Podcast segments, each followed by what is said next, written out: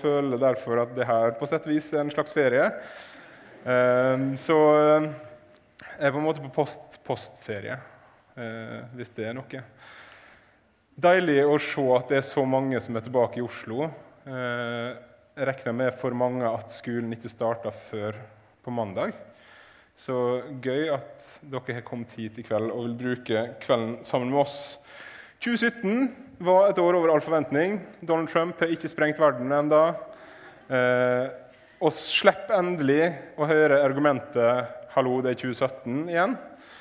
Selv om vi antageligvis må leve med at uh, i enhver debatt som går på verdispørsmål, uh, at uh, 'hallo, det er 2018' er nok det allmenngyldige argumentet som slår alt annet i år. Det gleder jeg meg allerede til, kjenner jeg. Men det er nye ting her i misjonssalen også. Eh, du hadde kanskje ikke merka det faktisk eh, hvis du ikke på en måte jobba her til vanlig.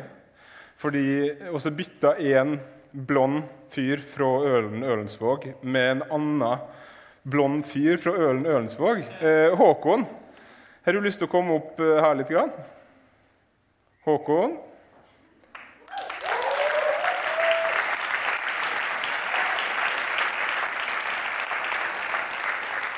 Tok med en egen mikk eh, til deg eh, som du kan ta med ned til Anders etterpå. Håkon. Eh, kan alle si hei, Håkon? Én, to, tre. Ja, Veldig koselig av dere. Ja. Håkon, hva er det egentlig du skal til med nå her i Misjonssalen? Det, det, er så mangt. Det er alt fra å bestille en dopapir til å passe på at vi har nattværsvin. Så det er mye forskjellig. Og skifte ja. lyspærer. Ja. ja, ja, ja. Eh, og så er han også, eh, Som den forrige lyshåra fyren fra Ølen så er han også ganske god med sånn grafisk design. og sånn. Så når det kommer etter hvert sånn derre uh, gudstjenesteting på Instagram og arrangement, og sånn, så er det han som har laga bilder til deg. Så da vet dere greier. Men det er ikke det eneste som har skjedd i livet ditt. Altså, Du har fått deg jobb, men hva, er, hva, er, hva, er, det som har skjedd i tillegg? Du mener ja, det at jeg har blitt forlova? Ja, det er ja, ja, ja. ja, og så må alle gi en klapp for det, syns jeg. Takk, takk. Kan, kan, du røyse deg, bare sånn at de som er nede, i hvert fall får se deg? Kom igjen, da. Og, og så gjør sånn. Gjør sånn. Ja. Nei, unnskyld, altså. Unnskyld, men jeg regner med at det på en måte først og fremst er hyggelig. Ja. Uh, han skal altså uh, gjøre alt, alt, alt, egentlig. Han skal holde styr på meg og Jan Erik uh, og innkalle oss til sånn stabsmøte og sånne ting. Og så er han litt vaktmester og så er han litt grafisk designer og sånn. Så dette her er da vår nye potet i 30 uh, Ønsk han hjertelig velkommen med en klapp. Takk skal du ha, Håkon, for at du kom opp.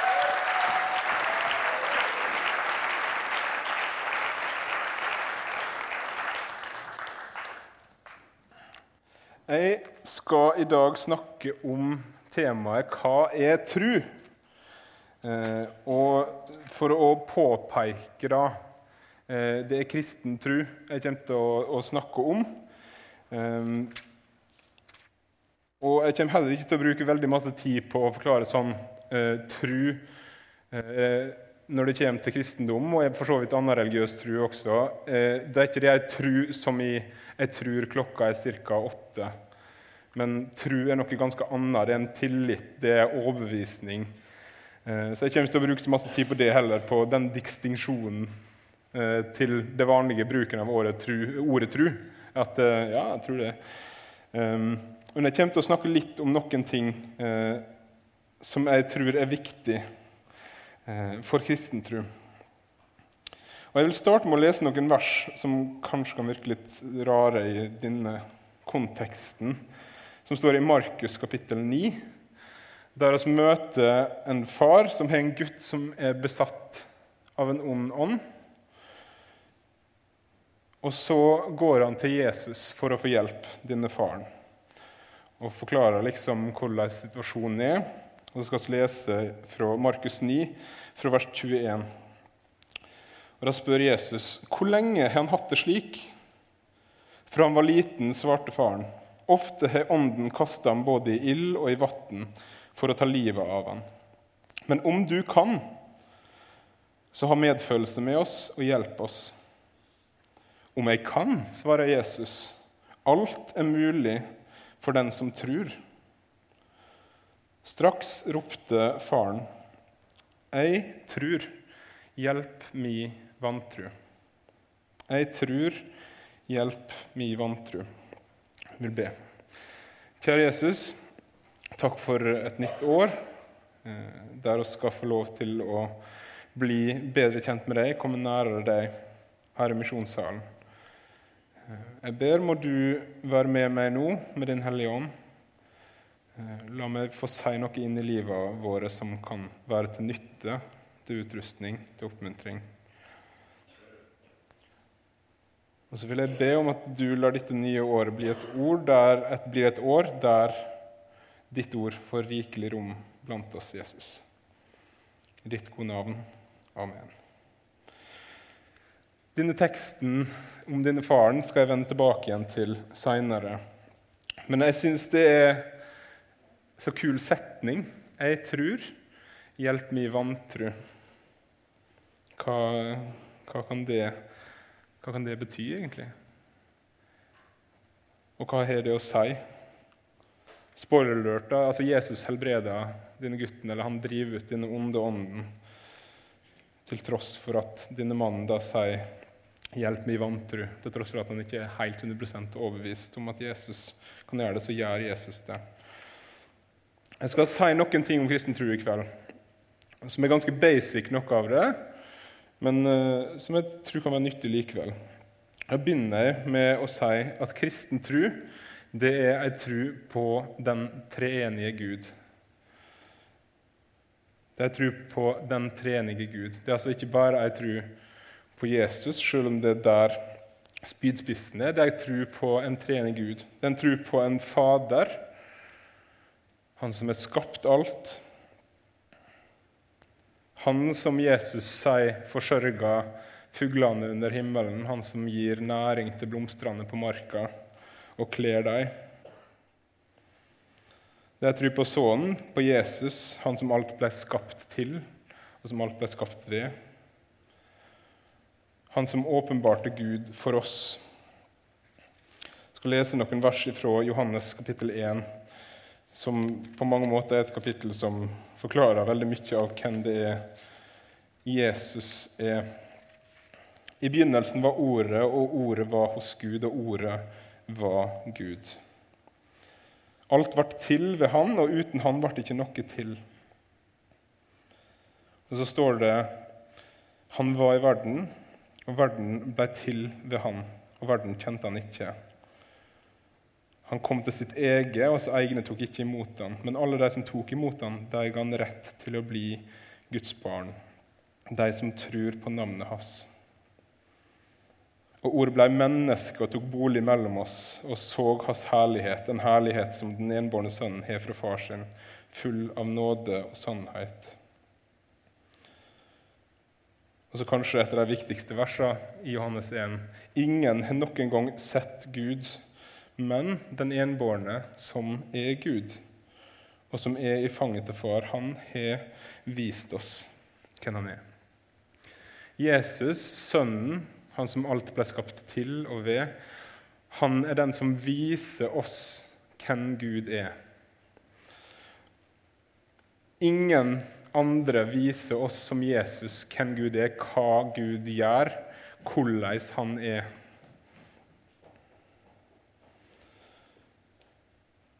Og så er Jesus samtidig fullt ut Gud og fullt ut menneske. Han er Gud, men han er menneske, og han er ikke 50-50, men han er 100-100. Han er både Gud og mann. Kom inn i vår verden. så nettopp feira jul, så jeg skal ikke repetere på en måte alt det, men han kom inn i vår verden, blei et menneske, døde for oss for alle våre synder. Han viser oss Guds natur, han viser oss Guds nåde, Guds kjærlighet, men så viser han også Guds rettferdighet. Han viser oss hele bredden av hvem Gud er, og hva Gud gjør. Derfor skriver Johannes at selv om ingen har sett Gud, så har han vist oss hvem Gud er. Han viser oss Guds nåde, Guds kjærlighet, Guds rettferdighet. Og han skal igjen vise disse tingene når han kommer tilbake. Som det står i trosbekjennelsen, han skal komme igjen for å dømme levende og døde. Guds rettferdighet skal åpenbares fullt ut en dag når han kommer tilbake. Beklager. Og så er kristen tro ei tro på Den hellige ånd. Han som skal han lese, svevde over vatna helt i begynnelsen, når jorda var øde og tom. Han som Jesus sier han skal sende. Han som Jesus sier nå kommer jeg til å stikke. Jeg kommer til å reise opp igjen til himmelen til min far, men det går bra, fordi jeg skal sende talsmannen til dere. Og han kommer, og så vitner han om Jesus, forklarer Jesus, trøster de som trenger trøst. Det står at han går i forbønn for oss med sukk som ord ikke kan romme. Og så får han et navn til som er litt rart. Det er pantet. Den hellige ånd er pantet på en arv som oss som tror på Jesus, har. Jeg skal lese fra Romerne kapittel 8, vers 15-17. For dere fikk ikke den ånden som slavene har, så dere på nytt skulle leve i frykt. Nei, dere fikk ånden som gir rett til å være Guds barn. Den som gjør at vi roper 'Abba, Far'. Ånden sjøl vitner med vår ånd at oss er Guds barn. Men er oss barn, så er oss også arvinger. Er Guds arvinger og Kristi medarvinger, så sant oss lid med Han, så skal oss også eie herligheten sammen med Han. Den hellige ånd er pantet vårt på en måte bevis på at oss har en arv i himmelen. Så kristen tro er en tro på Faderen, det er en tro på Sønnen og det er en tro på Den hellige ånd. Ikke som tre guder, men som én Gud med tre personer. Det må dere gjerne spørre meg om etterpå, men det er ikke sikkert dere blir klokere av det for de om. Det er slik det blir forklart oss. Men hvor, hvor blir det forklart seg egentlig? Hvorfor kan jeg si det? At en kristen tro er en tro på den trenige Gud? Jo, det kan jeg si ut ifra dette. Og Da kommer jeg til mitt neste punkt. og det er at Kristen tro er og blir og kommer alltid til å være ei tro på Bibelen. Guds åpenbaring til oss er gitt oss her. Det står om de første kristne at de var bygd på grunnvollen til profetene og apostlene, der Jesus sjøl er hjørnestein. Jeg er overbevist om at dette her er den grunnvollen. Her finner vi ordene til profetene, vi finner historier til israelsfolket. Vi finner historier om Jesus, evangeliet om han, både i Det gamle og i Det nye testamentet. Og så finner vi historier om de første kristne og deres liv og apostlenes lære. Kristen tru og denne boka kan aldri rives fra hverandre. Ikke egentlig. Fordi hvis vi ikke, hvis oss ikke har denne som basis for det vi tror på, hva, hvorfor skal da kristentrua vår være noe som er sant? Noe som det er verdt å lytte til? Noe som andre også må få del i? Hvis denne boka ikke er sann, så har vi ingen grunn for å hevde at Jesus har stått opp. Utenom at det fins historie om kristne på generasjoner og generasjoner og generasjoner som heller ville ofre livet sitt enn å si 'jeg vil ikke tro på Jesus lenger'. Noe som jo kan tyde på at de i hvert fall hadde et ganske sterkt håp og en sterk tro på at Jesus var stått opp. Men det er først og fremst her hos møter det. Apostlene vitner om det. Paulus vitner om det, at Jesus har stått opp. Her finner oss Guds vilje for livet våre. Her finner oss evangeliet. Her finner oss grunnlaget for trua vår. Kristen tru er og blir ei tru på Bibelen. I 2. Timoteus brev, kapittel 3, står noen av mine favorittvers. Og Selvsagt er det 3.16, som jo er en gjenganger i Bibelen. Hver bok i Skrifta, og i andre oversettelser så står det hele Skrifta, er innånda, altså innblåst, av Gud. Og til nyttig opplæring, formaning, rettledning, oppdragelse i rettferdighet. Så det mennesket som hører Gud til, kan bli fullt utrusta til all god gjerning. Alle bøker i Skrifta Riktignok er det nok Det gamle testamentet det er sikta til når Paulus skriver dette. Men vi kan trygt ta med de nye også. Er innblåst av Gud. Altså det er Gud som har pusta eller ånda på det og gitt det liv. Dette er en levende bok, en skapende bok. Det er ikke bare ord og sider, men fordi Gud har blåst liv i det, så er det også liv her for oss. Kristen tro er tru på Bibelen.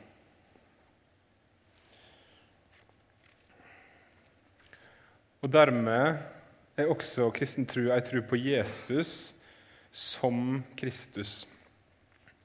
Altså, Jesus Kristus høres kanskje ut som et fornavn og et etternavn, men det er et fornavn, og så er det en tittel.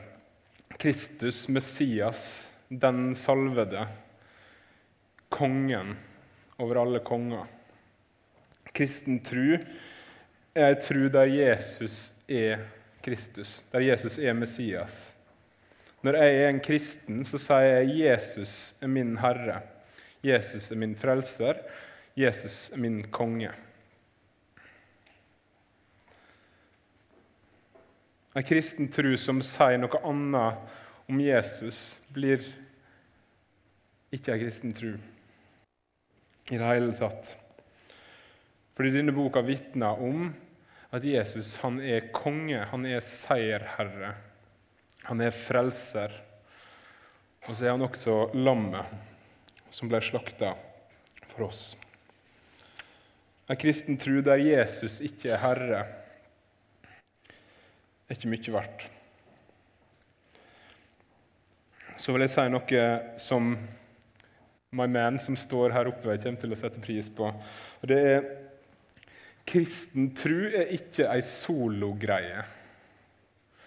Noen av dere følger kanskje i tro, eh, der det for en liten stund siden var ei sak eh, om dette at kristen tro handler ikke først og fremst om en personlig relasjon til Jesus. som er en setning som jeg vil tro mange av dere tenker OK, nå stoppes en halv her eh, handler det ikke om en personlig relasjon til Jesus? Jo. Men det handler ikke bare om det, og det handler ikke først og fremst om det engang. Kristen tru har alltid vært og kommer alltid til å være ei fellesskapsgreie. Her sitter oss 150-200 ish personer og samles for å høre hva Gud har å si til oss. Og det har de kristne gjort helt ifra starten. I de aller fleste av brevene, i alle brevene nesten, eh, vil du finne eh, referanser til enten at det her er skrevet til en flokk av kristne, så det skal leses opp høyt i forsamlinga. Og til og med i de brevene som er til enkeltpersoner, så er det veldig ofte en liste av folk som man må huske å hilse til, eller Når disipler gjør disipler som gjør disipler, som Andreas snakka om før jul, så er ikke det disipler som sitter på hver sin krok, på hver sin tue, helt alene og får en bibel oppi handa, og så vær så god, lev kristenlivet ditt helt isolert. Sånn er det ikke, og sånn er ikke det meint å være heller. Se i Det nye testamentet hvor mange hverandre-ord der er. Bær byrdene for, for, hverandre og oppfyll på den måten Kristi lov, sier Paulus. Misjonsbefalinga er en befaling om å gjøre disipler, døype dem og lære dem å holde alt det jeg befalte dere. Noe som tar tid og krever at jeg er der sammen med den personen som jeg da skal lære disse tinga. Når jeg leser Bibelen, så leser jeg dessuten ikke Bibelen alene heller. For det første er Den hellige ånd der med meg og forklarer og åpenbarer ordet for meg og viser meg Jesus. Viser meg det han har gjort for meg. Viser meg min egen synd.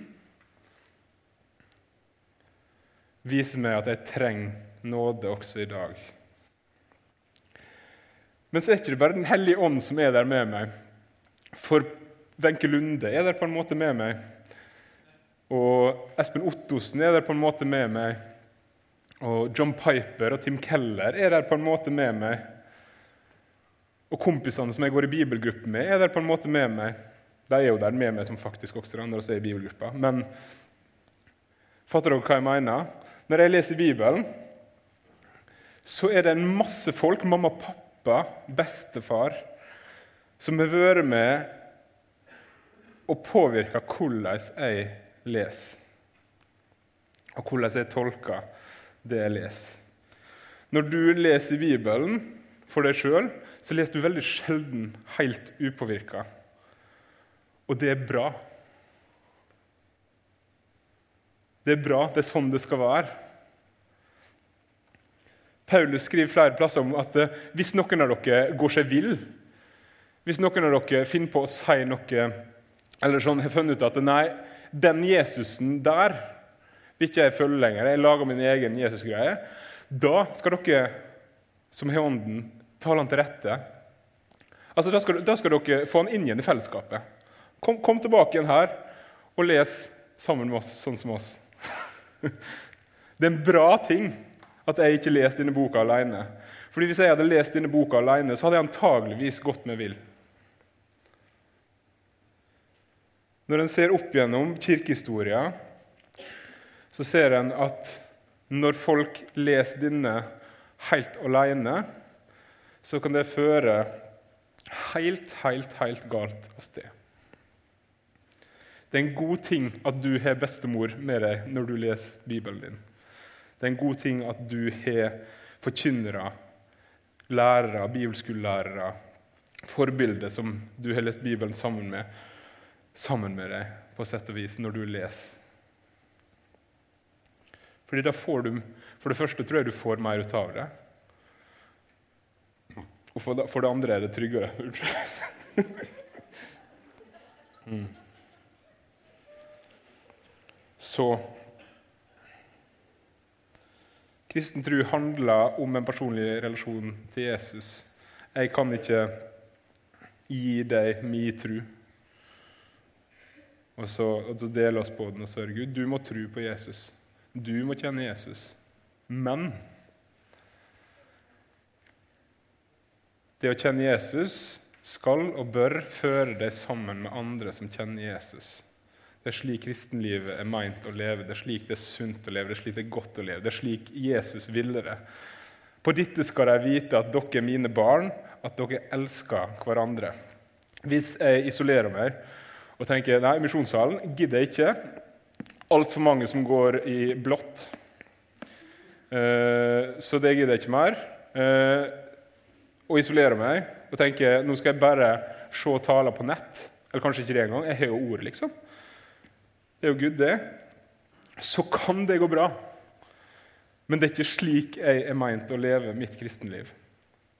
Kristenlivet leves i fellesskap med andre kristne fellesskap i bønn, Fellesskap i bibellesing, fellesskap i vitnesbyrd, søskenfellesskap.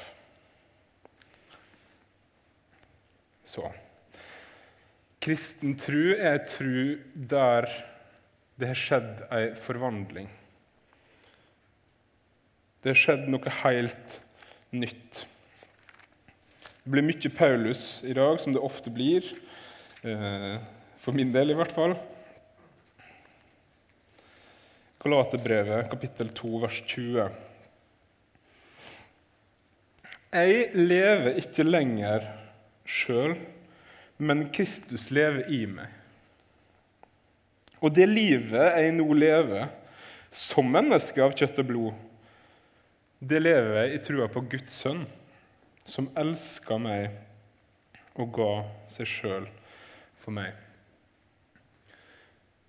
Når jeg ble en kristen, og for min, for min del så var det allerede når jeg ble døpt, så skjedde det noe helt nytt. Det står at oss, når oss kommer til tro på Jesus, så blir oss begravd sammen med han, med vår synd og vårt gamle menneske. Og så blir oss oppreist sammen med han til et nytt liv. Det nye livet det skal få sin oss, oss, oss, ja, oss lever fortsatt i en fallen verden. Vi gjør fortsatt dumme ting, og sier dumme ting, og tenker dumme ting. Og som Kari Helene Haugen sa her før jul, det er ikke noe som oss blir kvitt her. Fordi jeg blir ikke en synder fordi jeg gjør dumme ting, men jeg er en synder, så derfor gjør jeg dumme ting. Men så har det likevel skjedd noe helt nytt. Det livet som jeg lever nå, sier Paulus, som menneske av kjøtt og blod, det lever jeg i trua på Guds sønn, som elsker meg og ga seg sjøl for meg. Det har skjedd et eller annet. Det er blitt skapt et nytt liv, en ny vilje. Den hellige ånd har tatt bolig i oss og gitt oss en ny vilje, en ny natur. En natur som vil det Gud vil. En vilje som vil det samme som Han. Og så opplever vi fortsatt at den viljen ikke vinner hver gang i livet vårt, men den er der. Den skal i hvert fall være der. For meg så merka jeg det når jeg gikk i åttende. Så fikk jeg en veldig sterk opplevelse av at Gud så meg, og at han var der med meg på en leir som jeg var på. Og Så kom jeg tilbake igjen til skolen veka etterpå. Og jeg var, som de fleste andre på min skole, at uh, kalte meg kristen. Hadde ikke noe problem med det. Var det også, tror jeg. Men banna og steika som en prest, det er ikke det de sier. Uh, men så kom jeg tilbake igjen fra den leiren der jeg hadde fått den opplevelsen av at Gud på en særlig måte var nær meg. Der jeg følte jeg fikk et møte med Den hellige ånd på en spesiell måte. Og Så kommer første friminutt, og jeg gjør som jeg bruker. At uh, første uh, bommen på fotballmålet, så kommer det en glose. Og det bare slo meg i magen. Det har jeg aldri gjort før. Aldri. Men det bare slo meg i magen. Hvordan kan du si det? Så jeg, jeg, ble helt sånn fortumla. Jeg, jeg, visste ikke jeg skulle, hvor jeg skulle gjøre av meg. Hvordan, hvordan kunne jeg si noe sånt? liksom? Det skjer et eller annet med oss.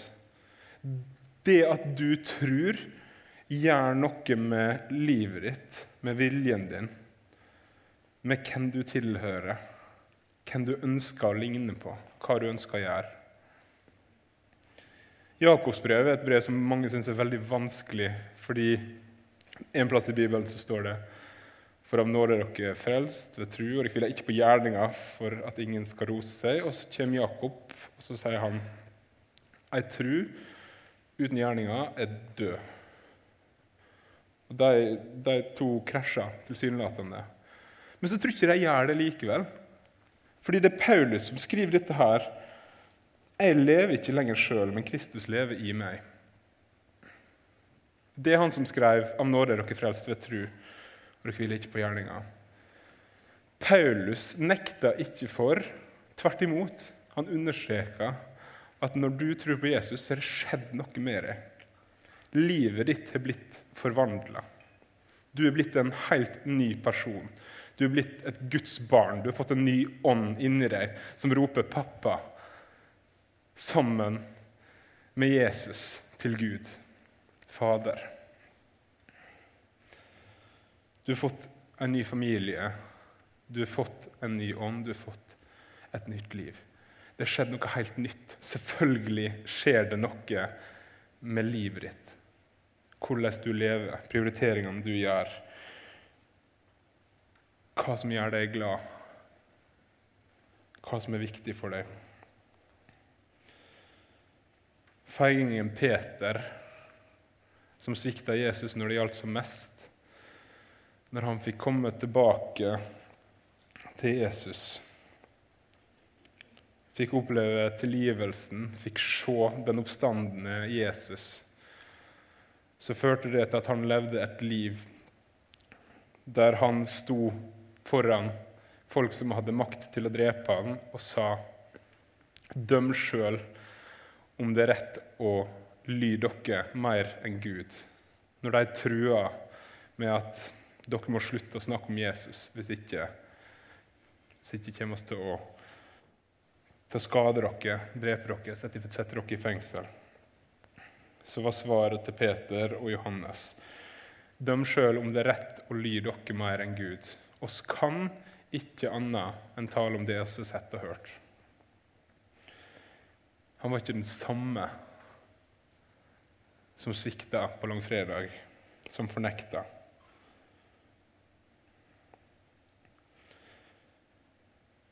Kristen tro gir et forvandla liv. Og så gir det et helt nytt perspektiv.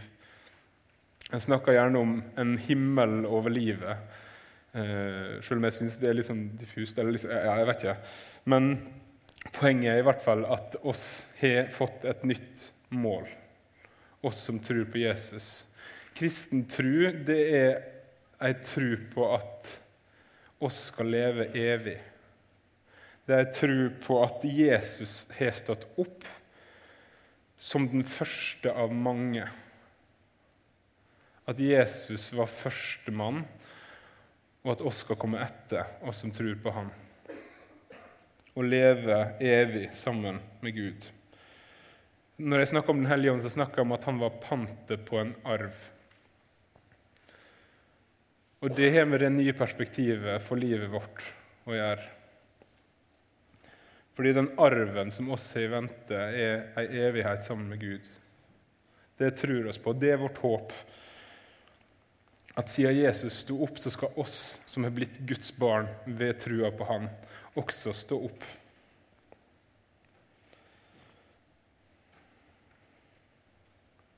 Hvis oss bare for dette livet har satt vår lit til Kristus, er oss ynkeligere enn alle mennesker, sier Paulus. Men nå er Kristus stått opp. Og Dermed har vi et helt annet perspektiv på livet enn det vi ville hatt hvis Jesus ikke var stått opp. Han har stått opp og reist opp til himmelen. Han har lova at han er veien, sannhet og livet. Han har lova at jeg går vekk for å gjøre i stand en plass for dere. Han har lova oss ei evighet sammen med seg. Så det forvandler livet, der oss fortsatt kan streve, der oss fortsatt kan snuble, svikte, oppleve at den viljen som vil det Gud vil, litt for ofte tape mot viljen for det jeg vil. Så skal vi vite at der framme, en gang der framme så skal oss fullt ut ville det Gud vil. Være hos Han alltid. Se Han alltid. Jeg skal gå inn mot en avslutning. Jeg skal lese et av de versene som jeg viste til i stad. For av nåde er dere frelst ved tru. Det er ikke deres eget verk, det er Guds gave. Og det hviler ikke på gjerninga, så ingen skal skryte av seg sjøl. For oss er Hans verk skapt i Kristus Jesus til gode gjerninger, som Gud på forhånd har lagt ferdig, så oss skulle vandre i dem. Kristen tro er ikke en prestasjon eller en mengdegreie, men det er en gave som Gud gir ved Den hellige ånd. Jeg har lyst til å vise dere og lese for dere noe Martin Luther skrev i sin lille katekisme. Jeg tror at jeg ikke av egen fornuft eller kraft kan tro på Jesus Kristus, min Herre, eller komme til Han. Men Den hellige ånd har kalt meg ved evangeliet, opplyst meg, helliggjort meg og holdt meg fast i den sanne tro. På samme måte kaller, opplyser og helliggjør Han hele den kristne kirke på jorda og bevare den hos Jesus Kristus i den felles kristne tru. I denne kristne kirke tilgir Han daglig meg og alle truende alle synder. På den ytterste dag skal Han vekke opp meg og alle døde og gi meg og alle truende i Kristus et evig liv. Det første der Jeg tror at jeg ikke av egen fornuft eller kraft kan tro på Jesus Kristus, min Herre, eller komme til Han, men Den hellige ånd har kalt meg. Jeg kan ikke for at jeg tror på Jesus til sjuende og sist. Det er det Gud som har gjort. Det er den, det Han gitt meg som en gave, at jeg tror på Han. Jeg fikk høre evangeliet. Jeg har fått høre evangeliet utallige ganger fra jeg var helt liten. Til det kjedsommelige har jeg fått høre evangeliet, og takk Gud for det. Fordi Den hellige ånd hever det kalt meg, opplyst meg, helliggjort meg, holdt meg fast. Jeg er 28 år og er blitt bevart hos Jesus. Og Det er ikke mitt eget verk, men det er Guds gave. Trua er ikke en prestasjon. Det er ikke noe oss kan tvinge fram, men det er Guds gave. Og så har det ikke med mengde å gjøre men med hvem det blir retta mot. Den teksten som jeg leste helt først, om denne faren som i desperasjon kommer med sønnen sin til Jesus og spør kan du hjelpe meg. Og Jesus svarer om jeg kan. Alt er mulig for den som tror, sier han. Og så svarer denne faren jeg tror, hjelp min vantro. Med andre ord, han trodde, men der var fortsatt ting i han som var sånn Dette her går jo ikke. Dette her, går, dette her kommer ikke til å funke. Dette her går ikke. Men så ber han Jesus, 'Hjelp mi vantru'. Og Jesus svarer og helbreder gutten hans. Trua handler ikke om mengde, men den handler om hvem trua blir retta mot. Jeg skal se en liten film nå um, av en eh, litt eldre herremann. Eh, ja, Motesansen hans kan ikke jeg svare for, eh, men en klok, klok mann. Han tar utgangspunkt i en historie fra Det gamle testamentet. Israelsfolket har vært slaver i Egypt og blitt utsatt for forferdelige ting av egypterne. Ungene deres har blitt kasta i Nilen de er slaver. De blir piska og drevet til å jobbe og jobbe og jobbe. Eh, og de har ikke frihet. Så kommer Moses fra, som sendebud fra Gud for å få dem satt fri. Men farao nekter å slippe dem, så Gud velger å straffe egypterne med å sende landeplager. Og den siste landeplagen er at Gud skal sende dødsengelen som skal gå gjennom Egypt og drepe alt førstefødt. Det er Guds dom over egypterne. Men så sier han til israelittene at dere skal slakte et lam, og så skal dere male blodet på dørstolpene Og når engelen ser blodet, så skal det tale for dere, og engelen skal gå forbi. Tror dere at alle egypterne, nei, at alle israelittene var helt trygge den kvelden når dødsengelen for forbi? Jeg skal se to minutter nå. Picture two Jews by the name of Smith and Brown, remarkably Jewish names.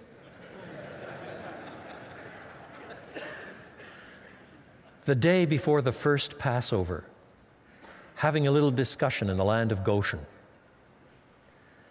And Smith says to Brown, Boy, are you a little nervous about what's going to happen tonight?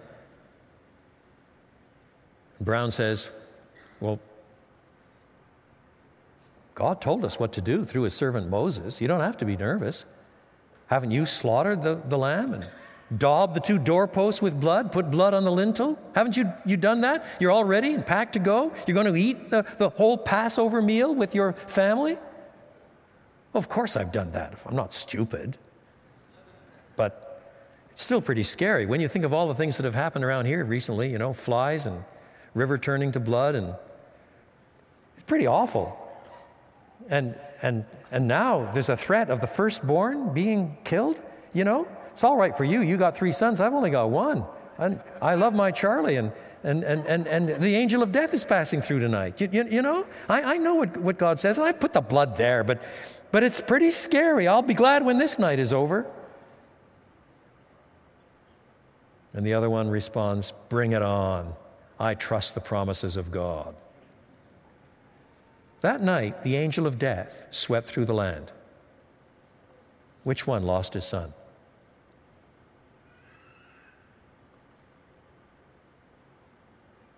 And the answer, of course, is neither. Because death doesn't pass over them on the ground of the intensity or the clarity of the faith exercised but on the ground of the blood of the Lamb. That's what silences the accuser. Jeg må innlede med å si at jeg bare elsker den lyden som høres litt ut som ei ku. Som kommer når, du liksom, når de i salen skjønner hva punchline kommer til å være her. Mm. Og Hvis dere ser den videoen igjen noen gang, så vil dere også legge merke til en som sier 'preach' og så en som sier 'go ahead'. og her kommer hovedpoenget. Denne faren gikk til Jesus. Uansett hvor sterk, hvor intens, hvor klar den trua som han hadde, var. Antageligvis var den ikke så sterk og intens, men han var desperat. Sønnen hans trengte hjelp, og han kom til Jesus. Og han kom til rett mann. Kristen tro er en tro som er retta mot Jesus, uansett hvor klar den er, uansett hvor sterk din tvil er, uansett hvor sikker du er på at Gud er glad i deg. Hvis du tror på Jesus, hvis trua di er retta mot Han, så er det nok. Kristen tro er ikke en prestasjon eller noe jeg skal på en måte tvinge til å være så sterk som mulig. Jeg husker Det var helt på en måte nydelig og på en måte veldig lite sjelesorgisk. Ei gammel dame som ble tatt fram her på gudstjeneste en gang. Og Så spurte møtelederen har du noen gang tvilt. Hvorpå dama bare svarer nei. det, det, har jeg jo aldri gjort.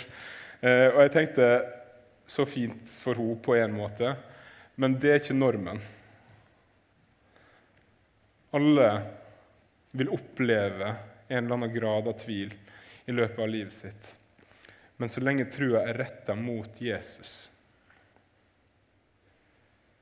Det er ikke intensiteten, det er ikke klarheten, men det er retninga som har noe å si. Fordi det er ikke de tru, eller hvor sterk de tru er, som frelser deg uansett. Akkurat som at det ikke var han som sa 'bring it on', som på en måte fikk fordel av det når dødsengelen gikk gjennom byen. Nei, var blodet fra lammet som var smørt på dørstokkene, det var det som gjorde at dødsengelen gikk forbi. Og det er det som gjør at døden aldri skal få makt over oss også. Det er blodet fra Jesus. Så lenge du retter din tru, din tillit, mot Jesus, så er du et Guds barn. Så har du evig liv i Han som kom for å gi oss akkurat det. Jeg vil be til slutt. Kjære far, du ser det noe jeg har sagt om trua på deg, eh, og du ser alt det som kunne vært sagt. Eh, jeg ber må, må dette kunne bli til oppmuntring, til oppbyggelse for noen. Og så ber jeg om at vi må få lov til å starte det året her i tillit til at det du har gjort for oss, er nok. Så ser du alle oss som er her, om oss tror eller ikke. Og du ser hvor sterk trua er. Du ser hvor, hvor forskjellige ting som kan plage oss og utfordre oss, utfordre vår tro. Jeg ber med oss alltid, selv om det er skyer som dekker til, må vi alltid få øye på deg, Jesus. Vi må alltid få lov til å ha vår tillit retta mot deg, også de gangene vi er vanskelig for å tro at oss er dine. Hjelp oss, vær med oss og styrk oss denne kvelden og dette året. I ditt navn.